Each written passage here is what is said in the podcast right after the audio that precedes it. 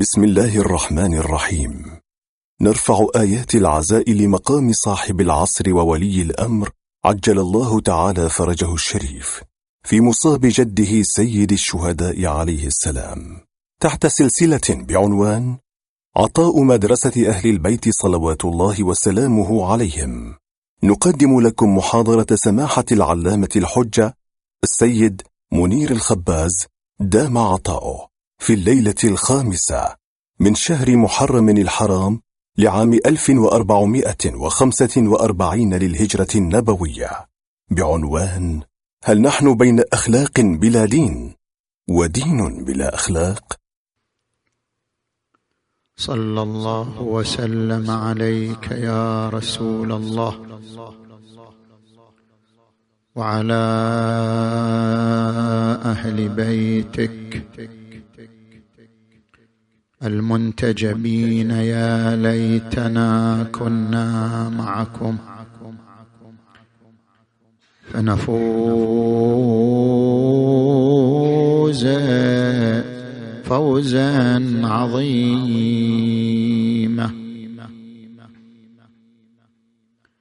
أعوذ بالله من الشيطان الغوي الرجيم. بسم الله الرحمن الرحيم. والكاظمين الغيظ والعافين عن الناس. والله يحب المحسنين. آمنا بالله صدق الله العلي العظيم.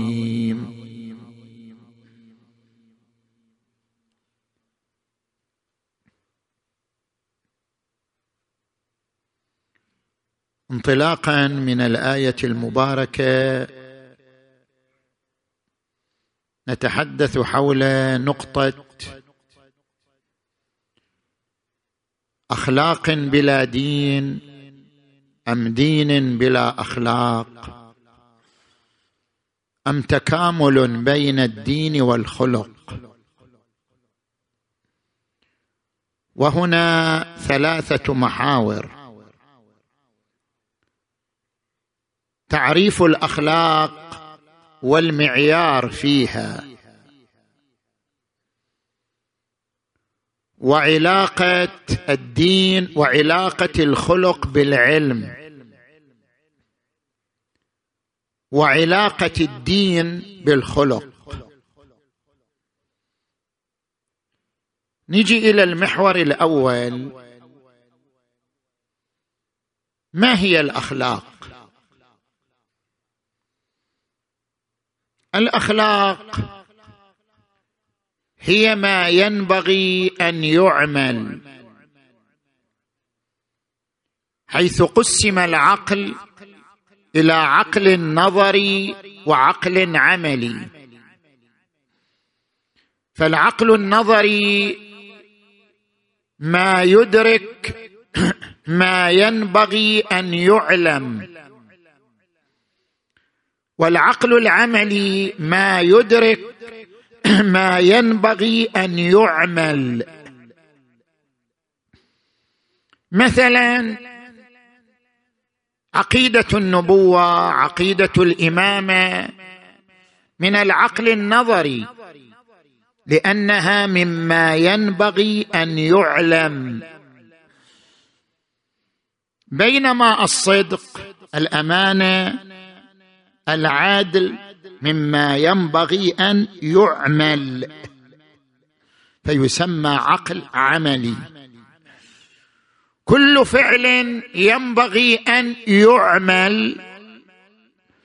يعني يدرك العقل أنه ينبغي أن يعمل. فهو خلق. ما هو المعيار في الخلق؟ يعني متى نعد الفعل مما ينبغي أن يعمل. متى نقول له هذا ينبغي أن يعمل؟ هنا مدارس ثلاث. الفلاسفة علماء الأخلاق علماء الكلام كل له رأي.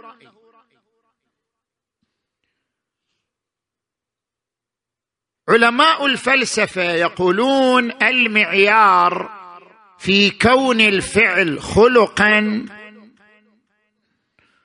هو بمساهمة الفعل في حفظ النظام.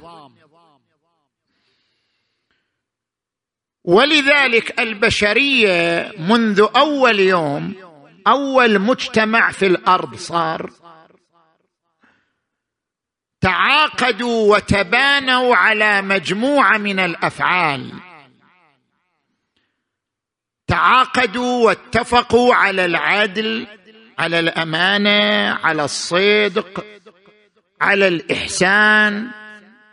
لماذا اتفقوا على هذه الأفعال؟ لأن بها ينحفظ نظام المجتمع.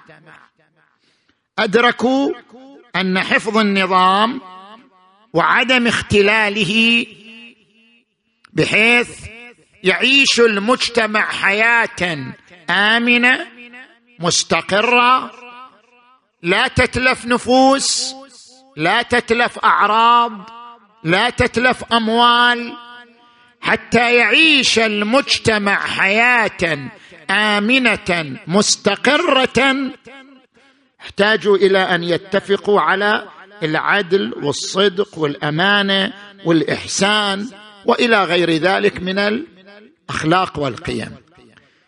اذا الأخلاق تكتسب قيمتها من جهة أنها تحفظ النظام النظام الاجتماعي. هذا رأي الفلاسفة. المدرسة الأخرى وهي مدرسة علم الأخلاق. علماء الأخلاق يقولون إنما يكون الفعل خلقا إذا كان له لذة روحية. البعد بعد روحي مو بعد اجتماعي. يعني الفلاسفة راحوا للبعد الاجتماعي حفظ النظام حفظ المجتمع. علماء الأخلاق ذهبوا إلى البعد الروحي البعد النفسي. قالوا الخلق ما له بعد روحي. بمعنى أن يشعر الإنسان بلذة روحية عندما يقوم بالخلق.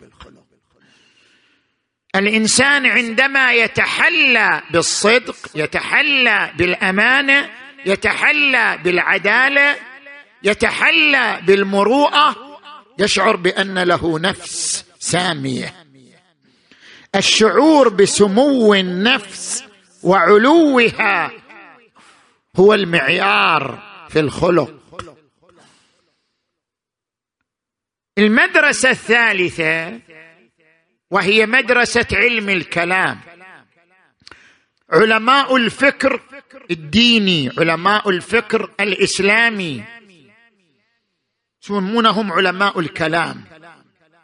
هؤلاء لهم رأي آخر.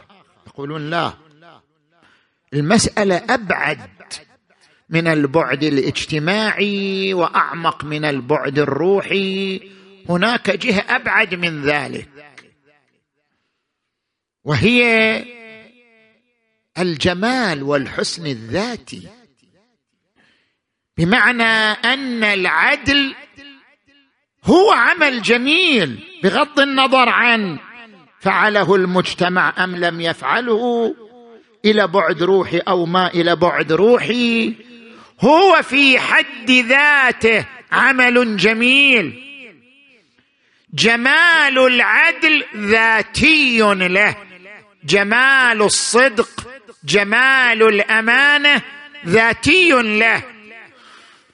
ولأجل جماله يقول العقل ينبغي أن يعمل.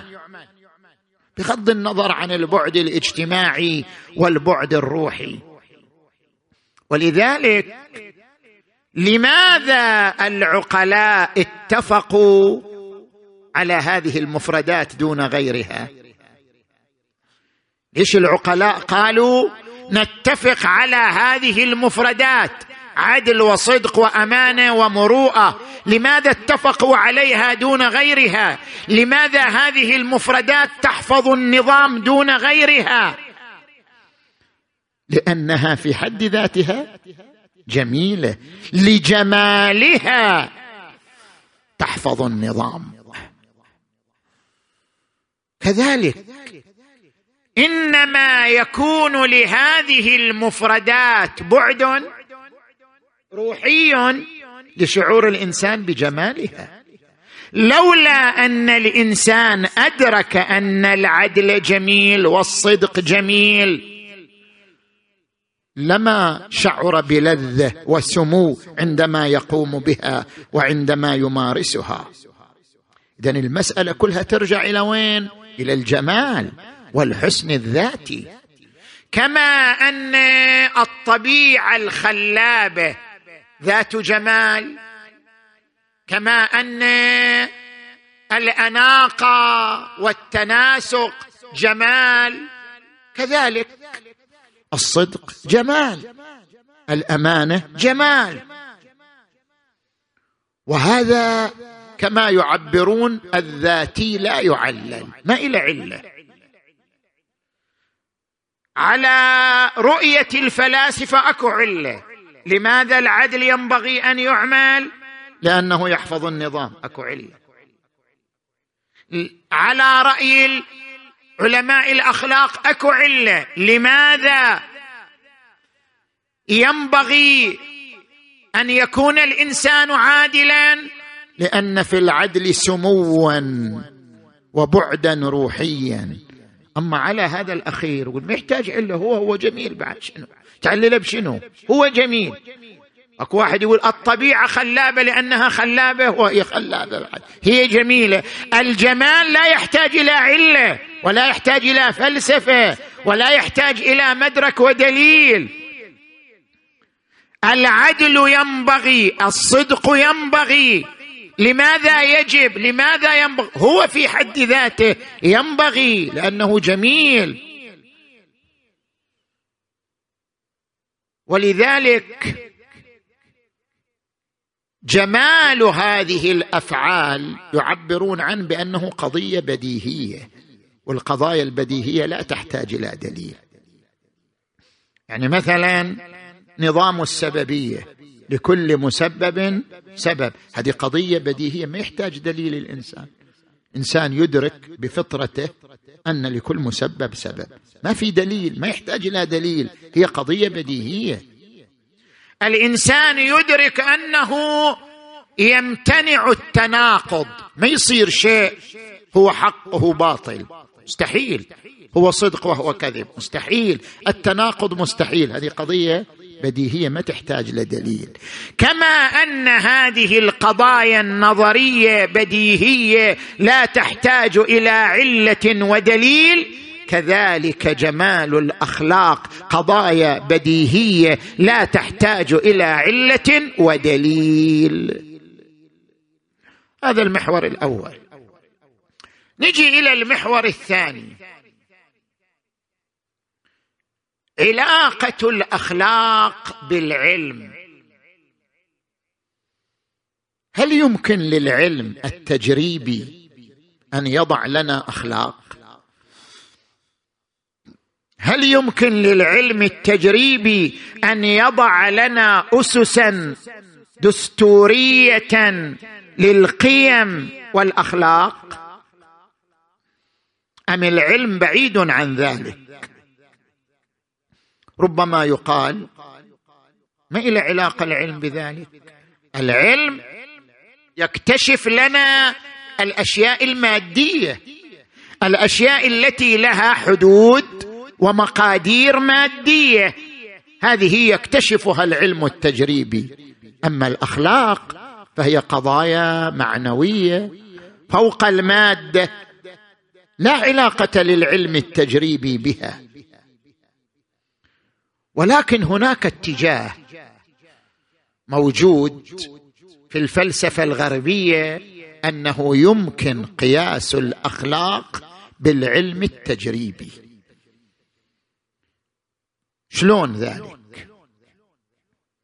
يقولون من خلال علم النفس من خلال علم الأعصاب أقيمت تجارب اكتشف من خلالها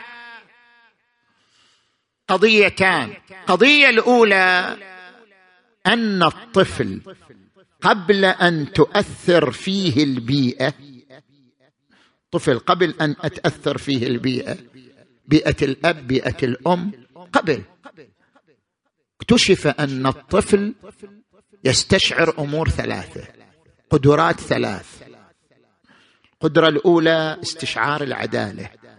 ترى هذا الطفل إذا تميز طفل عليه ينفر يستشعر العدالة فيرفض التمييز حتى قبل أن يكتسب أي مفهوم من المفاهيم هو يستشعر العدالة. الطفل قبل أن تؤثر فيه البيئة يستشعر الإحساس بالآخر. إذا يشوف أمه حزينة يحزن. اذا يشوف أمه مبتهجة يبتهج. الإحساس بالآخر وشخصية الآخر. هذا أيضا قدرة اكتشفت في الطفل قبل أن يتأثر بالبيئة. والقدرة الثالثة أن الطفل يميز بين الصواب والخطأ. عنده قدرة. هذا لا هذا نعم. عنده قدرة على ذلك. بما أن الطفل يمتلك الاستعداد للقدرة على التمييز بين الصواب والخطأ اذا هو محتاج إلى العلم والخبرة حتى تترسخ هذه القدرة عنده للتمييز بين الصواب والخطأ. ونفس وما سواها فألهمها فجورها وتقواها. قد أفلح من زكاها وقد خاب من دساها.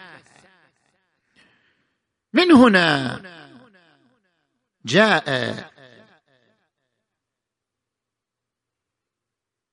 سام هاريس عالم أعصاب وفيلسوف أمريكي وعند كتاب المشهد الأخلاقي وضع هذه النظرية أن العلم التجريبي يكتشف الأسس والأخلاق.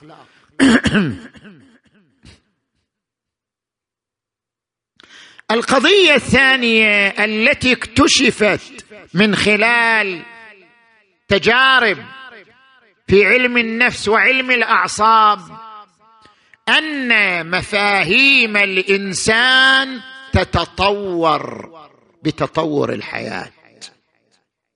يعني أنت الآن أقدر على فهم الخطأ والصواب من جدك وجد جدك لأن الحياة تطورت.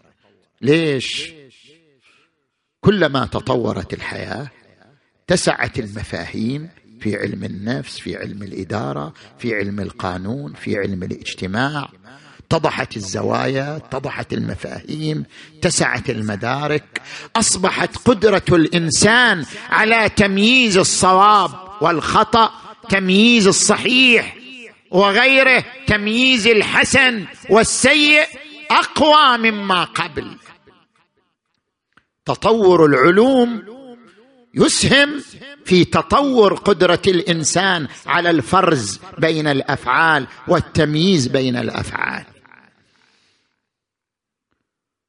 لذلك سام هاريس كتب كتاب المشهد الأخلاقي وأصدر كتابة في مصاف الكتب التي تنتقد الدين تنتقد البعد الديني.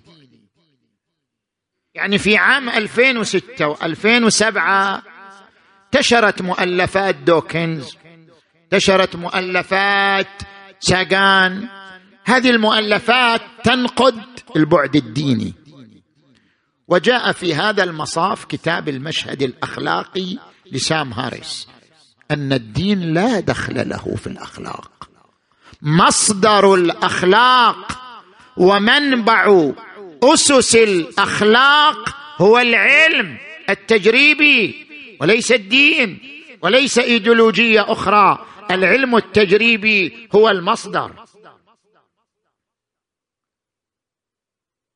نعم هو لا يؤمن بالليبرالية. يقول لك أنا مو ليبرالي ولا أرى النسبية في الأخلاق. يعني هذا مذهب النسبية في الأخلاق أن الأخلاق أمر نسبي يختلف باختلاف الأشخاص وباختلاف الأزمة. يقول لك لا أنا لا أؤمن به. أنا ضد الليبرالية ضد نسبية الأخلاق. الأخلاق قيم مطلقة. العدل جميل دائما الصدق جميل دائما. أنا ضد النسبية أنا أؤمن بالقيمة المطلقة للأخلاق. لكنني في نفس الوقت أرى أن البعد الديني لا ربط له بالأخلاق. العلم التجريبي قادر على وضع أسس مفصلية للأخلاق. وأما أن نميز نقول العلم في الفيزياء في الفلك في الكيمياء نعم يكتشف حقائق. أما في الأخلاق اختلاف وجهات النظر. يقول لا هذا مو صحيح. في الجميع حقائق ما في اختلاف في وجهات النظر. لماذا ذهب هارس إلى ذلك؟ التفت لي جيدا. اولا هو عرف الأخلاق. عنده تعريف هو خاص بل الأخلاق. ثانيا وضع دليل على مسلكه على مدرسته من أن الأخلاق يكتشفها العلم. ما هو تعريف الأخلاق عنده؟ القيمة الخلقية تعتمد على ركنين الوعي والرفاهية. أما الركن الأول وهو الوعي إذا ما في وعي ما في أخلاق. الأخلاق حقائق نشأت عن تجارب واعية. الأخلاق علاقة بين طرفين واعيين. إذا ما في وعي ما في أخلاق. هل عندك أخلاق في التعامل مع الحجر؟ لا لأن الحجر ما عنده وعي. كيف تعامل يا بأخلاق؟ هل تتعامل بالأخلاق مع الحشرات والذباب؟ أنت تؤمن بأن الحشرات والذباب ما عندها وعي؟ اذا ما تتعامل إياها بأخلاق. لكنك في نفس الوقت تتعامل مع الناقة والبقر والغنم والكلب تتعامل معه بالرفق واللين لأنك تؤمن أن له وعي. فمن الوعي جاء رحم الأخلاق. بالوعي تولدت الأخلاق. إذن الأخلاق تحتاج إلى وعي. هذا الركن الأول الركن الثاني الرفاهية. الأخلاق هي حقائق للحياة الرفاهية الواعية. رفاهية الحياة الواعية. شنو الرفاهية يعني؟ تعرف أنتم الحياة متى تصير مرفهة؟ الحياة إنما تكون حياة مرفهة.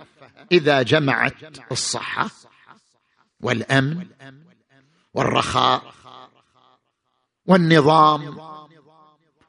إذا جمعت الحياة هذه العناصر فهي حياة مرفهة. الأخلاق هي الأفعال التي تسهم في رفاهية الحياة الواعية. كل عمل يسهم في رفاهية الحياة الواعية فهو أخلاق. من هنا قلنا العلم هو الذي يكتشف الأخلاق لأن العلم هو الذي يكتشف لنا الحقائق المسهمة في الحياة المرفهة في رفاهية الحياة الواعية. الدليل على ذلك هذا تعريف للأخلاق. نجي إلى الدليل ما هو الدليل؟ قال الدليل أن المجتمع البشري يعيش إيمانا بحقلين حق الخبرة وحق العلم. أما في حقل الخبرة فترى المجتمع البشري يجزم بالأخلاق فيما هو خبير به. مثلا لو سألت الناس هل ضرب الطفل من أجل تعليمه أو من أجل تهذيبه؟ هل هو وسيلة ناجعة للتعليم والتربية؟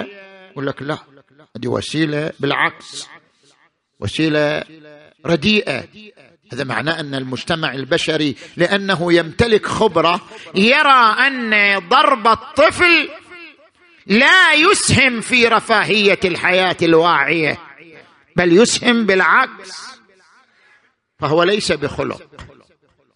تجي إلى مجال العلم. أساس من أسس الحياة الرفاهية الصحة. كم معدل العمر في زماننا هذا؟ قبل مئة سنة كان معدل العمر ثلاثين وأربعين سنة. الأغلب يموتون. بعد أن تطور الطب اكتشفت ميادين الصحة زادت خبرة الإنسان بمجالات الصحة اكتشف روافد الصحة أصبح معدل العمر سبعين ثمانين. يعني الآن المسنين في العالم بالملايين. بعد مئة سنة شي يصير؟ تعبير إلى هو. سام هاريس. شي يقول؟ يقول بعد مئة, مئة سنة اللي عمره مئتين سنة بيشترك في سباق الماراثون. وما يتأخر عن السباق إلا لمرض أو علة وإلا قوي ويشترك في السباق. إذا من خلال ذلك نفهم كلما تطور العلم واتضحت أبعاد وعناصر رفاهية الحياة الواعية. أصبح الإنسان أكثر ادراكا لما يصح وما لا يصح. ما هو صواب؟ ما هو خطأ؟ اذا الدليل على أن العلم التجريبي هو الذي يكتشف لنا أسس الأخلاق وهو الذي يرشدنا إلى أسس الأخلاق أن تطور العلم يزيد خبرة الإنسان بحيث ينكشف أمامه ما هو الصواب وما هو الخطأ.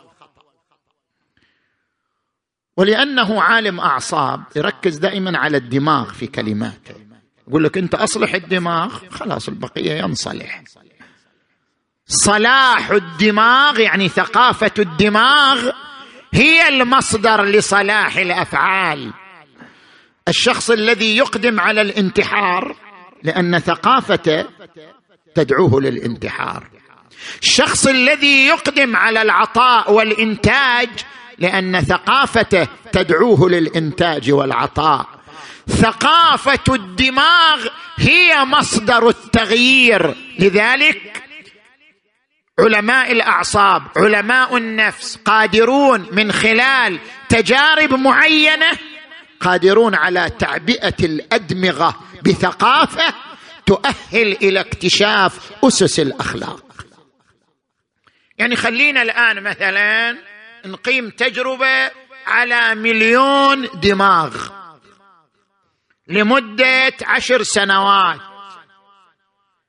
هذا المليون دماغ لمدة عشر سنوات نقيم عليهم تجارب من خلال أبعاد أربعة. البعد الأول ما يثير العواطف ما هو؟ البعد الثاني الدوافع الجزائية ثواب والعقاب. كيف يؤثر عليهم؟ البعد الرابع القوانين الإدارية الصارمة كقوانين المرور والشرطة. البعد الرابع هيئات المجتمع المدني. كيف تؤثر في الناس؟ إذا إحنا نقيم تجربة على مليون دماغ لمدة عشر سنوات ضمن هالأبعاد الأربعة. ما يثير العاطفة الدوافع الجزائية القوانين الصارمة وهيئات المجتمع المدني. سنكتشف من خلال هذه التجربة أسس الأخلاق الإنسانية. بلا حاجة إلى دين ولا إلى أي إيديولوجية أخرى. زين. هذا كلام سام هارس انتهينا هناك عدة ملاحظات على هذه النظرية. فيلسوف البريطاني كوامي أنتوني بيا إلى ملاحظات أيضا على هذه النظرية.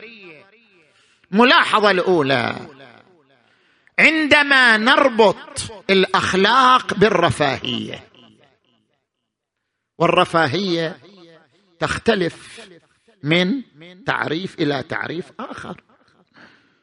الرفاهية تختلف بين جيل وجيل آخر بين مجتمع ومجتمع آخر. هل الميزان في رفاهية الحياة بمستوى دخل الفرد؟ واحد يقول لك الميزان في الرفاهية شنو مستوى دخل الفرد؟ هذا هو يحدد الرفاهية. أم الميزان في رفاهية الحياة. القدرة على الإنتاج. إيش قد تقدر تنتج أنت؟ خلال سنة كموظف إيش قد تقدر تنتج؟ هذا اللي اسس لحياة مرفهة. تختلف الأجيال في ميزان الرفاهية. تختلف المجتمعات والايديولوجيات في ميزان الرفاهية. فإذا ربطنا الأخلاق برفاهية الحياة الواعية رجعنا إلى النسبية التي فر منها سام هاريس. سام هاريس يقول أنا لا أرى نسبية الأخلاق الأخلاق قيم مطلقة لكن إذا ربطها بالرفاهية والرفاهية تختلف باختلاف الموازين والأجيال والمجتمعات رجعنا إلى نسبية الأخلاق مره أخرى. يعني وقعنا فيما فررنا منه. هذه الملاحظة الأولى. الملاحظه الثانية. إذا ربطت الأخلاق بالوعي يعني إذا واحد مو واعي ما تتعامل إياه بأخلاق؟ لو فرضنا أن إنسان فقد الوعي إما لنوم مسكين أو عنده إغماء. يعني يصير تقتله لأنه ما عنده وعي. صار مثل الحجر والذبابة. ليست الأخلاق منوطة بوعي من الجهتين ومن الطرفين حتى لا تكون هناك علاقة خلقية إلا مع حياة واعية من كلا الطرفين. الملاحظة الثالثة وهي الأهم. ما هو الدليل على ربط الأخلاق بقيم رفاهية الحياة الواعية. أين هذا وأين هذا؟ هناك فرق شاسع بين اللذة المادية واللذة الروحية. عالم الرفاهية عالم اللذة المادية عالم الأخلاق عالم اللذة الروحيه لا ربط بين العالمين. الإنسان عندما يمتلك صحة وأموال ويعيش ضمن نظام ويعيش في حالة وئام يحصل على لذة مادية. بمعنى شعور بالرضا شعور بأنه سليم قاعدة تمشي حياته. هذه لذة مادية. أما اللذة الروحية تختلف عن ذلك. الإنسان ولو كان يعيش فقرا مدقعا ولو كان يعيش في أدغال إفريقيا إذا كان انسانا صادق أمين عادل يشعر باللذة الروحية. يشعر بأنه منتصر على نفسه. الإنسان الصادق العادل الأمين المتواضع يشعر بأنه إنسان منتصر على نفسه منتصر على غرائزه منتصر على شهواته منتصر على نوازعه. هذه هي اللذة الروحية الشعور بالانتصار. أين هذا من هذا؟ واحد يعيش في أدغال أفريقيا؟ فقر مدوس نقول إحنا. صحيح؟ ولكنه يعيش الصدق والأمانة والعدل والأخلاق السامية يشعر بالرضا والسكون والارتياح. أكثر ممن يعيش في قمم سويسرا. وعايش في جمال الطبيعة.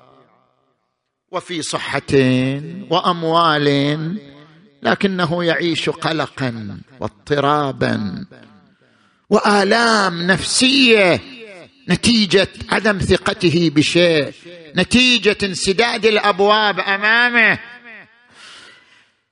الميزان في الأخلاق اللذة الروحية والميزان في الرفاهية اللذة المادية ولا علاقة بين العالمين. لذلك ميدان العلم غير ميدان الأخلاق. العلم التجريبي يكتشف ما هو الموجود وعلم الأخلاق يكتشف ما ينبغي أن يوجد. وفرق بين السؤالين. سؤال ما هو الموجود؟ يجي علم الفيزياء علم الكيمياء يكتشف لك ما هو الموجود. انت وين تعيش؟ يقول لك العالم كذا كذا كذا. يكتشف لك الوجود. هذا هو العلم التجريبي. أما عندما تصل إلى سؤال ثاني ماذا ينبغي أن نكون عليه؟ ما الذي ينبغي أن نكون عليه؟ ما هو الهدف من الحياة؟ ما هو الهدف الذي يستحق أن نبادر له ونضحي من أجله؟ العلم التجريبي يقف هنا. هنا تأتي فلسفة الأخلاق. اذا ربط العلم بالأخلاق يعني العلم التجريبي هذه نظرية عليها ملاحظات. نجي الآن إلى المحور الثالث من حديثنا. صلوا على محمد وآل محمد.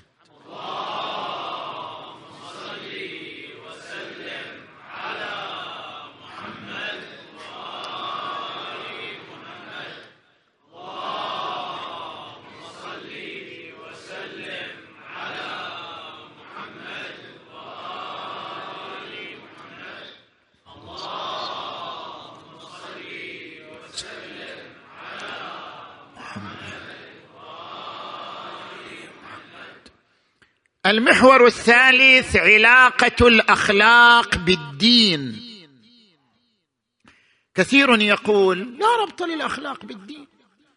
لنا أصدقاء لا دينيون وهم أناس يمتلكون أمانة وصدقا واحتراما للقانون.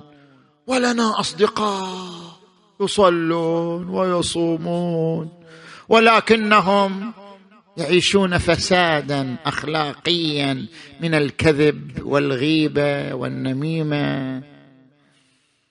فأين الدين وأين الأخلاق؟ هنا أمامنا اتجاهان. اتجاه يقول أخلاق بلا دين لا نحتاج إلى الدين. واتجاه يقول لا يمكن فصل الأخلاق عن الدين. الاتجاه الأول الذي يدعو إلى أخلاق بلا دين. يقول ترى الدين يدمر الأخلاق. مو بس ما نحتاج إليه بل هو يدمر. الدين يدمر الأخلاق يفسد الأخلاق. إذا أردت اخلاقا فكن بلا دين. لأن الدين يقضي على وهج الأخلاق وجمالها. كيف الدين يقضي على وهج الأخلاق وجمالها؟ أذكر لك وجهين. الوجه الأول مبني على فلسفة الفيلسوف الألماني كانت في القرن الثامن عشر. يقول الدين أخلاق تجارية. بينما الأخلاق الإنسانية قيم معنوية وفرق بين الأخلاق التجارية والقيم المعنوية. الدين يدعو لأخلاق تجارية. الدين يدعو لأخلاق مصلحية لأن الدين يدعو للأخلاق في إطار الثواب والعقاب. يقول لك كن صادق حتى تكتسب الثواب. كن صادق حتى تكتسب الجنة. كن صادق حتى تكتسب الحور العين. فالدين يطرح أخلاق تجارية ربحية. بينما فلسفة كانت للأخلاق تقول كن صادقا لا لأجل ربح بل لأن الصدق واجب. أن تأتي بالصدق لأنه واجب لا لأن وراءه ثوابا ونعيما وجنة. فأخلاق الدين غير الأخلاق الإنسانية. هذا الوجه الأول. الوجه الثاني اللي يطرحه الفيلسوف الألماني نيتشه في القرن التاسع عشر يقول هناك فرق بين أخلاق العبيد وأخلاق السادة. الدين يدعو لأخلاق العبيد. الدين يدعو لسحق النفس. الدين يقول للمؤمن لا تهتم بذاتك ضحي من أجل غيرك. كن رحيما شفيقا عطوفا مضحيا باذلا. اصرف وقتك وجهدك للآخرين. اسحق ذاتك من أجل الآخرين. إذا الدين يدعو إلى سحق الذات من أجل الآخر. الدين يمنع المرأة أن تبرز جمالها وأنوثتها. فالدين يسحق في المرأة هذه الروح التي ترغب في بروز الجمال والأنثوية فهو يسحق روح المرأة. الدين يقول للمؤمن استسلم للقضاء والقدر وارض به. هذا سحق للذات. الدين إذا قرأناه من خلال هذه الكلمات نرى أنه سحق للذات. بينما وهذه أخلاق العبيد العبد هو اللي لازم يستسلم ويرضى. ونقول له يا أيها العبد طول وقتك أنت في خدمة. الآخرين فالدين عندما يدعو للكرم والشفقة والرحمة والصدقة والعناية بالآخر فهو إنما يدعو إلى سحق الذات وأخلاق العبيد. بينما الأخلاق الإنسانية تركز على احترام الذات. احترم ذاتك. وحقق لنفسك طموحاتها. واثبت جدارتك من خلال إنجازاتك. ولا عليك بغيرك. صلح فسد أنتج تخلف فشل عليك بذاتك. احترمها أسسها حقق طموحاتها. اذا الأخلاق الإنسانية اهتمامها بكرامة الذات واحترامها لا بأخلاق العبيد.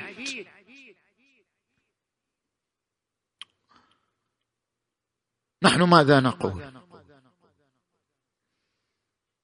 نحن في الاتجاه الثاني الذي يقول لا يمكن لا يمكن فصل الأخلاق عن الدين.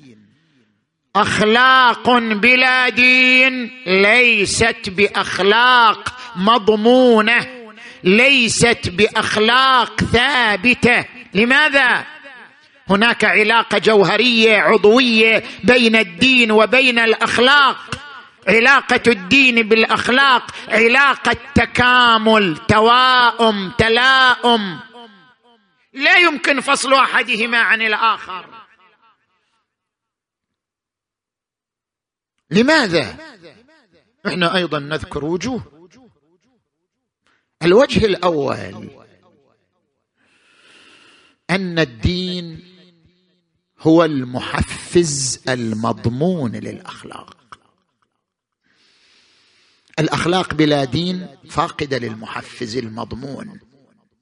الحافز المضمون نحو الأخلاق هو الاعتراف بالدين. هذا محفز مضمون. لماذا؟ لأن الدين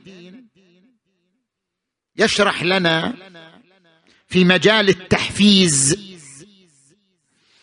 أمور ثلاثة ركز عليها. الحقيقة الوجودية للأخلاق وربط الأخلاق بوجود الكون وإذابة الأنا. نجي إلى الأول. تدري أن الدين ماذا يقول عن الأخلاق؟ يقول بأن الأخلاق تتجسم يوم القيامة أشكال أخرى. الدين ما يقول بس صدق يقول لا الصدق سيتجسم. شوف لاحظ. لاحظ عندما تقرأ هذه الآية المباركة ان الذين ياكلون اموال اليتامى ظلما انما ياكلون في بطونهم نارا. يعني شلون؟ يعني هذا كلام مجازي؟ لا لا لا مو مجازي. هو الظلم يتحول إلى قطعة من النار. هو يتحول اوتوماتيكيا يتحول إلى قطعة من النار. انما تجزون ما كنتم تعملون. يعني جزاؤكم هو نفس أعمالكم. ما تحتاجوا إلى جزاء. أعمالكم تتحول إلى جزاء لكم بشكل أوتوماتيكي. الصلاة تتحول إلى شجرة. شلون الجنة؟ الجنة من وين تصير؟ مو أنت تبني جنتك. الإنسان هو اللي يبني الجنة. أعمالك هي جنتك التي تعيش فيها. الصلاة تتحول إلى الشجرة المثمرة. الظلم يتحول إلى قطعه من الجحيم. الكذب يتحول إلى حرارة لاهبة. إنما تجزون ما كنتم تعملون. ليش القرآن يقول قوا أنفسكم وأهليكم نارا وقودها الناس. شو نصير الناس وقود للنار؟ هو العمل يتحول إلى طاقة من النار. قوا أنفسكم وأهليكم نارا وقودها الناس. الناس هم هم اللي يحرقوا النار هم الذين يشعلون النار لأن أعمالهم تتحول إلى نار. اذا الدين يختلف عن أي إيديولوجية أخرى. الدين يكشف لنا حقيقة الأخلاق وأن الأخلاق الفاضلة تتحول إلى وجود ونعيم. والأخلاق الرذيلة تتحول إلى جحيم. وهذه نقطة من التحفيز مهمة نحو الأخلاق. الأمر الثاني أن الدين يربط الأخلاق بالكون. شلون يربط الأخلاق بالكون؟ كلنا يرى أن الكون نظام ميكانيكي صح لو لا؟ يعني انت اذا الان تسأل كيف الكون هذا يعيش؟ لا الشمس ينبغي لها أن تدرك القمر ولا الليل سابق النهار كل في فلك يسبحون. يقول يقول لك الأرض والشمس وكل ما في الوجود يمشي ضمن نظام ميكانيكي صح؟ الدين يقول مو بس هذا أن الكون له أخلاق أيضا. كما للكون نظام ميكانيكي فإن للكون نظام أخلاقي.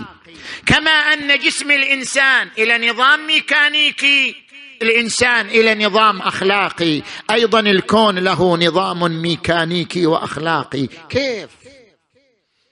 يعني إذا فسدت الأخلاق يقابلك الكون بردة فعل عنيفة. عند أخلاق. عند رده فعل. إذا ديست الأخلاق وانتهت قابلك الكون بردة فعل خطيرة. وضرب الله مثلا قرية كانت آمنة مطمئنة يأتيها رزقها رغدا من كل مكان فكفرت بأنعم الله فأذاقها الله. لباس الجوع والخوف بما كانوا يصنعون. متى تلاعب المجتمع البشري بالأخلاق؟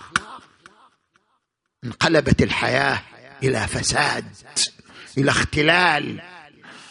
شوف هذه الآية جدا رائعة وهي قوله تعالى وليخشى الذين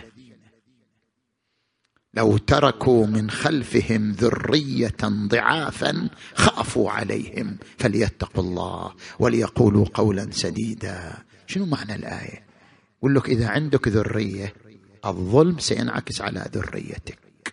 ظلمك لغيرك سيرتد على ذريتك. شئت أم أبيت؟ مو بيدك الموضوع. مو بيدك. ينعكس على ذريتك. هذه سنة الحياة.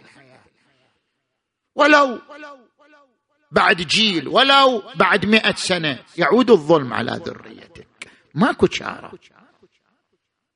هذه سنة الحياة. وليخشى الذين لو تركوا من خلفهم ذرية ضعافا خافوا عليهم. فليتقوا الله. وليقولوا قولا سديدا. من يظلم من يكذب من يغش من يسرق من يعتدي يصل الظلم إلى ذريته ولو إلى احفاده بلا ذنب المساكين لأن جدهم كان ظالما. ربط الأخلاق بالكون. بمعنى أن للكون نظاما أخلاقيا كما أن للإنسان نظاما أخلاقيا وأن للكون ردة فعل انتقامية محفز آخر نحو الأخلاق. ولذلك اليوم البشرية تكاد أن تصل إلى خطر عظيم. اليوم البشرية التي تريد أن تدوس على الأخلاق وتريد أن تنسى القيم الإنسانية تشرف على خطر عظيم.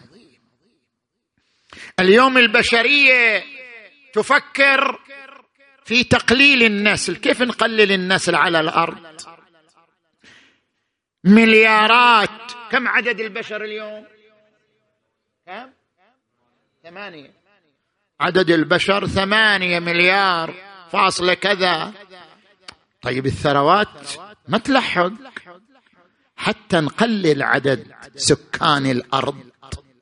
محتاجين إلى عملين نقوم بهما. العمل الأول نشر الأوبئة بين فترة وأخرى. خلها تحصد إلى ملايين من البشر. والعمل الثاني قطع النسل. خل تصير العلاقة بين أنثى وأنثى وذكر وذكر. حينئذ لأجل هذا الهدف الاقتصادي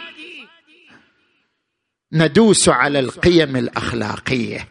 وندوس على المبادئ الإنسانية ونتيجة ذلك وصول المجتمع البشري إلى خطر عظيم.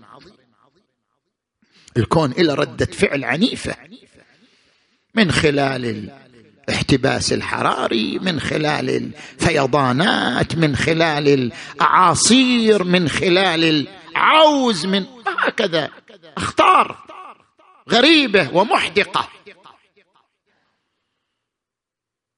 والأمر الثالث أن الدين عندما يريد أن يشكل حافزا مهما نحو الأخلاق فإن الدين يركز على إذابة الأنا. ما هو مفتاح الشرور؟ ما هو المفتاح الذي به يصبح الإنسان شريرا؟ منافق كذاب غشاش. المفتاح هو الأنا. متى ما ركز على ذاته تجاوز كل الحدود. الإنسان الذي لا يهمه إلا ذاته لا تهمه لا أخلاق ولا مبادئ. يهمه مصلحة ذاته. متى ما ركز الإنسان على الأنا تجاوز الأخلاق. كلا إن الإنسان ليطغى أن رآه. استغنى. لذلك الخطر في الأنا. من هنا جاء الدين لتهذيب الأنا. وتحقيق توازن بين نزعة حب الذات ونزعة حب الغير. الدين لم يسحق الكرامة كما قال نيتشه. الدين لم يسحق الذات كما قال نيتشه. الدين دعا إلى كرامة الذات ولقد كرمنا بني آدم. الرسول محمد. وسلم على محمد. الرسول صلى الله عليه وآله يقول إن الله فوض إلى المؤمن كل شيء ولم يفوض إليه أن يذل نفسه. ليس من حقك أن تذل نفسك. الدين يحفظ لك كرامتك وحرمة ذاتك وحرمة المؤمن ميتا كحرمته. حيا. الدين لا يدعو إلى سحق الذات. بل يدعو إلى كرامتها واحترامها. لكن الدين يريد توازنا بين خدمة الذات وخدمة الغير بين نزعة حب الذات والبعد الاجتماعي في العلاقة مع الغير. لأجل ذلك الدين عندما يدعو إلى الصدقة إلى الشفقة إلى الرحمة إلى العناية بالآخر هو يريد أن يقلل من الأنا. أن يقلل من طغيان الأنا. لأنه إذا قلل من طغيان الأنا منع مفتاح الشرور مفتاح الكذب والخداع والنفاق والغش. فالدين يشكل حافزا مهما نحو الأخلاق. لأجل ذلك دعا الدين إلى الصلاة لأن الصلاة تذيب الأنا. أقم الصلاة لذكري. قد أفلح المؤمنون الذين هم في صلاتهم خاشعون. ودعا الدين إلى الصدقة لأنها تقلل من طغيان الأنا. قال إنما نطعمكم لوجه الله. لا نريد منكم جزاء ولا شكورا. زين. هذا الوجه الأول الدين ضمان تحفيزي نحو الأخلاق. فكيف يمكن فصل الأخلاق عن الدين؟ الوجه الثاني ما رايح أطول عليك. الوجه الثاني الدين يشكل الإثبات التعريفي للأخلاق. بمعنى أن الإنسان مهما بلغ من المعرفة والنبوغ والنضج. وصار عالم في النفس وصار عالم في علم النفس الاجتماعي. زين؟ وصار عالم في علم الأعصاب. لن يصل لن يصل إلا إلى قضيتين فقط. العدل جميل الظلم قبيح. كل إنسان يدري عنها منذ ولادته. أما ما هي مصادق العدل؟ ما هي موارد العدل؟ العدل إعطاء كل ذي حق حقه. فنحتاج إلى لائحة حقوق قبل العدل. صح لو لا؟ العدل إعطاء الحقوق. خلينا لائحة حقوق اولا حتى يكون وضعها في مواضعها شنو؟ عدلا. إذا إحنا محتاجين للائحة حقوق. قبل أن نقول العدل جميل والظلم قبيح فمن أين نأخذ لائحة الحقوق؟ هل يتساوى الذكر والأنثى في الحقوق؟ ما هي حقوق المعلم؟ ما هي حقوق الطالب؟ ما هي حقوق الموظف؟ ما هي حقوق الزوجة؟ ما هي حقوق الزوج؟ ما هي حقوق الطفل؟ ما هي حقوق الجار؟ ما هي حقوق المجتمع؟ انظر إلى ما صدر عن الإمام زين العابدين. صلوات الله وسلامه عليه. لائحة حقوق حقوق الإنسان. الدين دعا إلى العدل ووضع لائحة حقوق كي يعرف الإنسان أين يضع الحق وفي أي مورد. فأنت محتاج إلى الدين كي تتعرف على موارد العدل. إذا حصل التزاحم بين حقين فما هو المرجح لأحد الحقين على الآخر؟ لو حصل تزاحم بين ترض أنت عندك زوجة والزوجة في حالة ولادة وقرر الطب أنه إما تموت الزوجة أو يموت الجنين وأنت أب والزوجة الآن في حالة إغماء وأنت أب اختار القرار بيدك. هل تريدنا أن نحفظ حياة زوجتك؟ أم حياة ولدك؟ من الذي يقرر؟ من الذي يقرر أن أحد الحقين يقدم على الآخر؟ من الذي يقرر؟ تقول العدل جميل. طيب العدل جميل مع زوجتك أو العدل جميل مع ولدك؟ وكلاهما نفس محترمة. من الذي يقرر؟ الدين. إذا حصل التزاحم بين حفظ النفس وحفظ العرض إما أن تقتل أو يهتك عرضك. أيهما يقدم؟ الدين لابد أن يتكلم. اذا مجرد أن الإنسان يصل إلى معرفة بعض الأخلاق إنما وصل الإنسان إلى معرفة الكبرى العامه والقاعدة الكلية العامه وهي العدل جميل والظلم قبيح. أما معرفة الموارد والمصاديق والصغريات فيأخذها من الدين. لذلك هناك حاجة إلى الدين في رفض الأخلاق. الوجه الثالث. الدين هو الضمان العملي. للاستمرار في عملية الأخلاق. اقرأ هذه الجملة. داستوفسكي مفكر روسي معروف إلى رواية الإخوة كارمازوف. في هذه الرواية يقول لو لم يكن الله موجودا لكان كل شيء مباحا. إذا الله مو موجود كل شيء إذا جائز صح لو لا؟ من اللي يمنعنا غير الله. لو لم يكن الله موجودا لكان كل شيء مباحا. من الذي يحجز الإنسان عن الظلم والقتل والاعتداء؟ من؟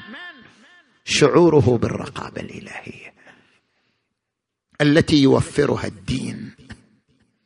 ولذلك الشخص اللاديني حتى لو رأيته يملك اخلاقا جميلة لكنك لا تضمن استمراره على هذه الأخلاق لو عارضت مصلحته الشخصية.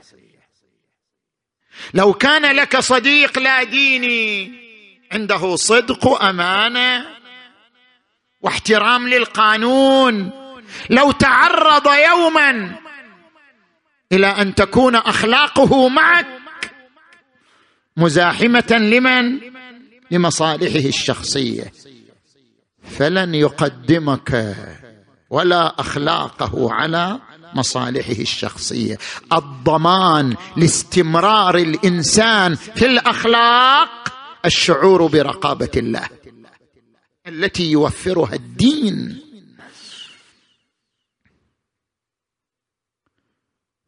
فأما من طغى وآثر الحياة الدنيا فإن الجحيم هي المأوى. وأما من خاف مقام ربه ونهى النفس عن الهوى فإن الجنة هي المأوى. الوجه الأخير. حاجة الأخلاق إلى الدين تتمثل في وضع الدين. القدوات والقمم التي تقود البشرية نحو الأخلاق. هل هناك إيديولوجية قدمت لنا نماذج في عالم الأخلاق غير الدين؟ هل هناك إيديولوجية أو خط أو منهج أو حتى العلم التجريبي قدم لنا قمما ونماذج وأعلام بارزة في مجال الأخلاق. غير الدين الدين قدم لنا الأنبياء والرسل والأوصياء. نماذج مشعة وقمم سامية وأعلام بارزة هي قدوة لنا في مجال الأخلاق. هي التي تقودنا نحو الكمال الإنساني. هي التي تعرفنا أسس الأخلاق أسس الأخلاق من خلال خصالها وجمال سيرتها.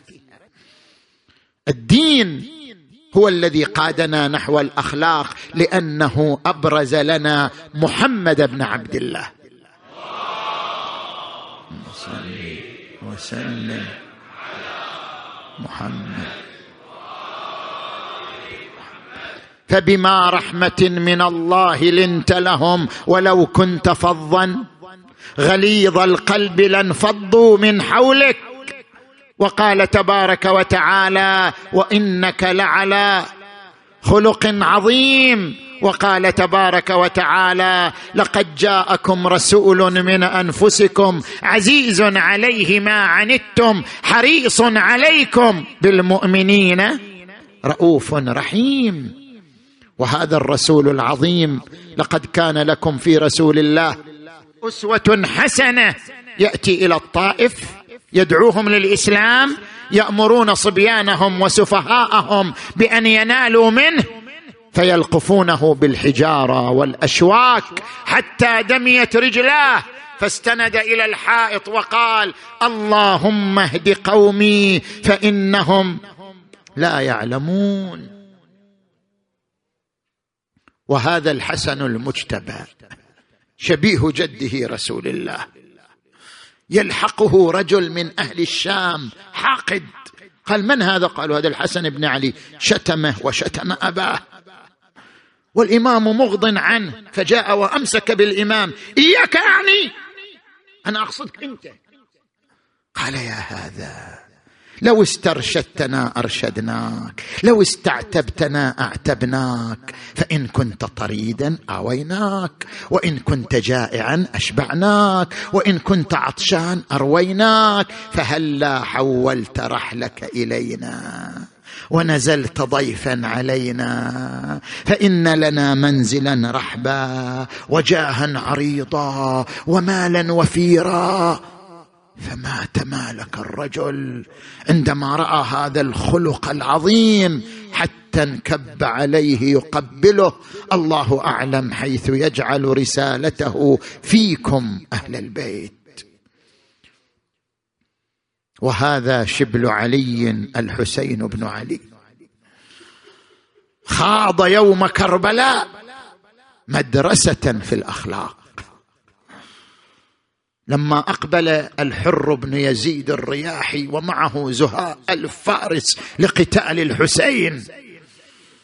آخر شخص وصل من جيش الحر وصل والعطش يأكل كبده. وإذا بالحسين يقوم بنفسه. ما طلب لا من أبي الفضل العباس ولا من الأكبر. لا لا لا هو هو هو هو يقوم. قام بنفسه. وحمل القربه وجاء بها وقربها من فم ذلك المقاتل. قال اخنث السقا فلم يفهم كلامه فقام الحسين وفتح فم القربه ورفعها بيده الشريفه وأوصلها إلى فمه وسقى ذلك المقاتل ورشفه ترشيفا. الله أكبر. أكيد راح ذهنك إلى أكيد راح ذهنك إلى يوم عاشرة. يوم بيوم يا أبا عبد الله. ساعة بساعة يا أبا عبد الله. أنت تسقيهم الماء بيدك. أنت تعطيهم الماء بيدك. ويوم عاشر وإذا برجليه تعفر في التراب.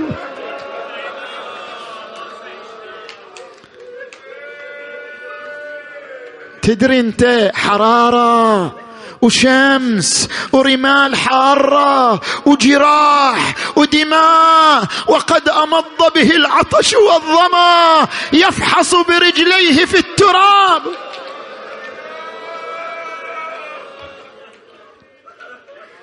يئن أنينا. لعل زينب تسمعه. لعل السجاد يسمعه وحق جدي رسول الله. إني عطشان.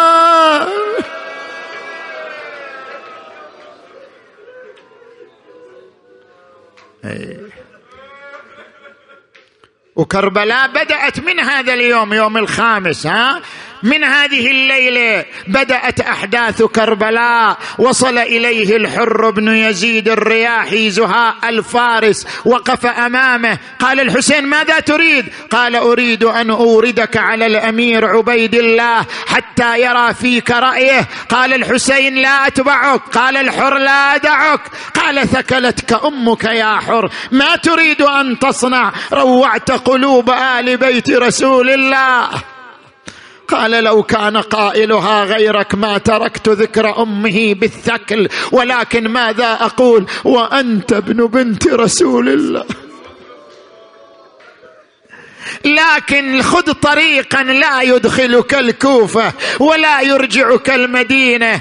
قال نعم ما قلت. من يدل الطريق؟ أخذ الطرماح بيدي فرس الحسين. قال أنا الذي أدل الطريق. ها تقدم أمامه. يا ناقتي لا تذعري من زجري وشمري قبل طلوع الف لخير ركبان وخير سفر. علي رسول الله الفاخر بعد هذا لسان الحال ها. يا زينب يا يا يا طهر وبنت الطهر ألست عدي لسياط زجري. وحسينا ومصيبتا. مشى الحسين مسافة توقف الفرس. حاول أن يمشي فلم يظفر بذلك. أبدل الفرس فرسا آخر فلم يتحرك وفرسا ثالثا فلم يتحرك. التفت إلى القوم ما اسم هذه الأرض؟ قالوا تسمى نينوى. قال هل لها اسم غير هذا؟ قالوا تسمى الغاضريات. قال هل لها اسم غير هذا؟ قالوا تسمى كربلاء. فحينئذ تنفس الصعداء وقال انزلوا انزلوا ها هنا يا مناخ ركابنا ها هنا يا محط رحالنا؟ ها هنا تذبح يا رجالنا؟ ها هنا تحرق خيامنا. ها هنا تقتل أطفالنا. ها هنا يصعد الشمر. وحسيناه واماماه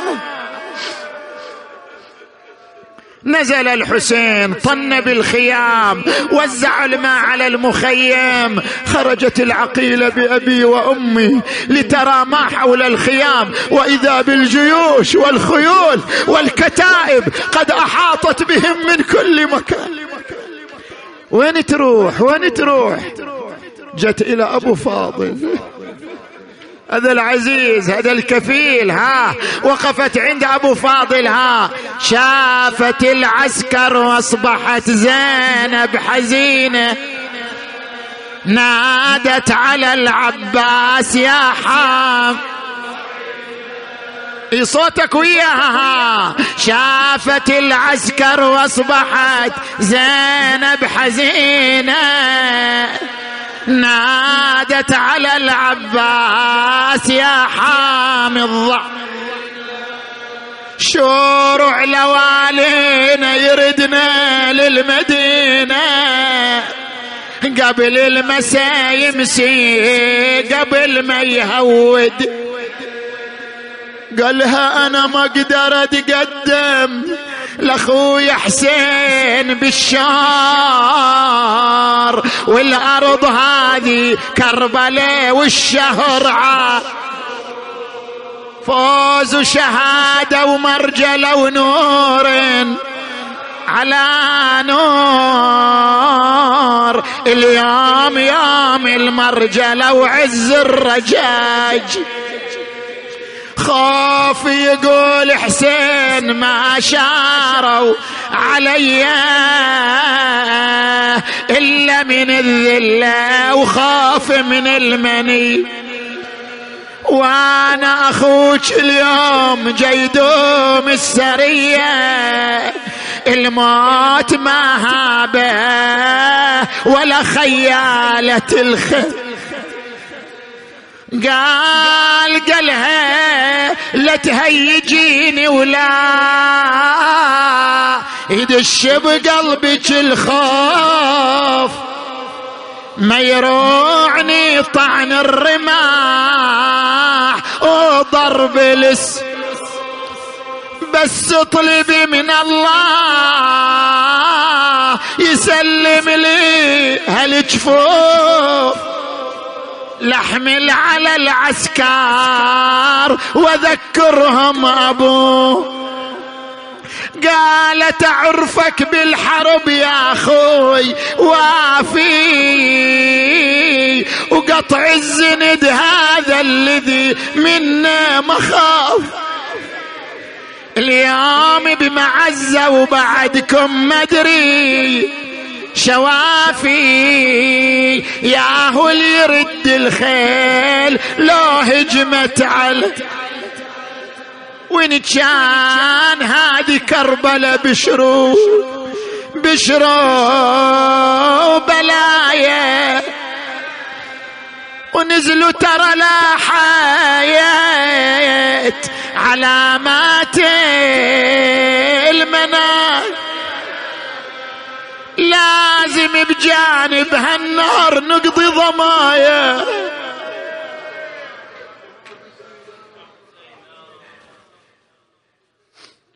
كرام بأرض الغاضرية عرسوا فطابت بهم أرجاء تلك المنازل. يا الله. اللهم بالحسين الوجيه وجده وأبيه وأمه وأخيه والتسعة من بنيه.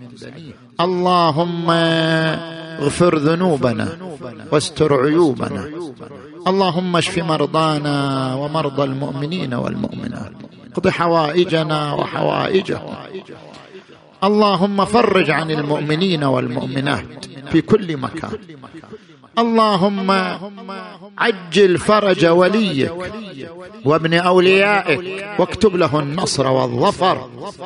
اللهم ارحم أمواتنا وأموات المؤسسين والمؤمنين والمؤمنات وإلى أرواح الجميع. بلغ ثواب الفاتحة. تسبقها الصلاه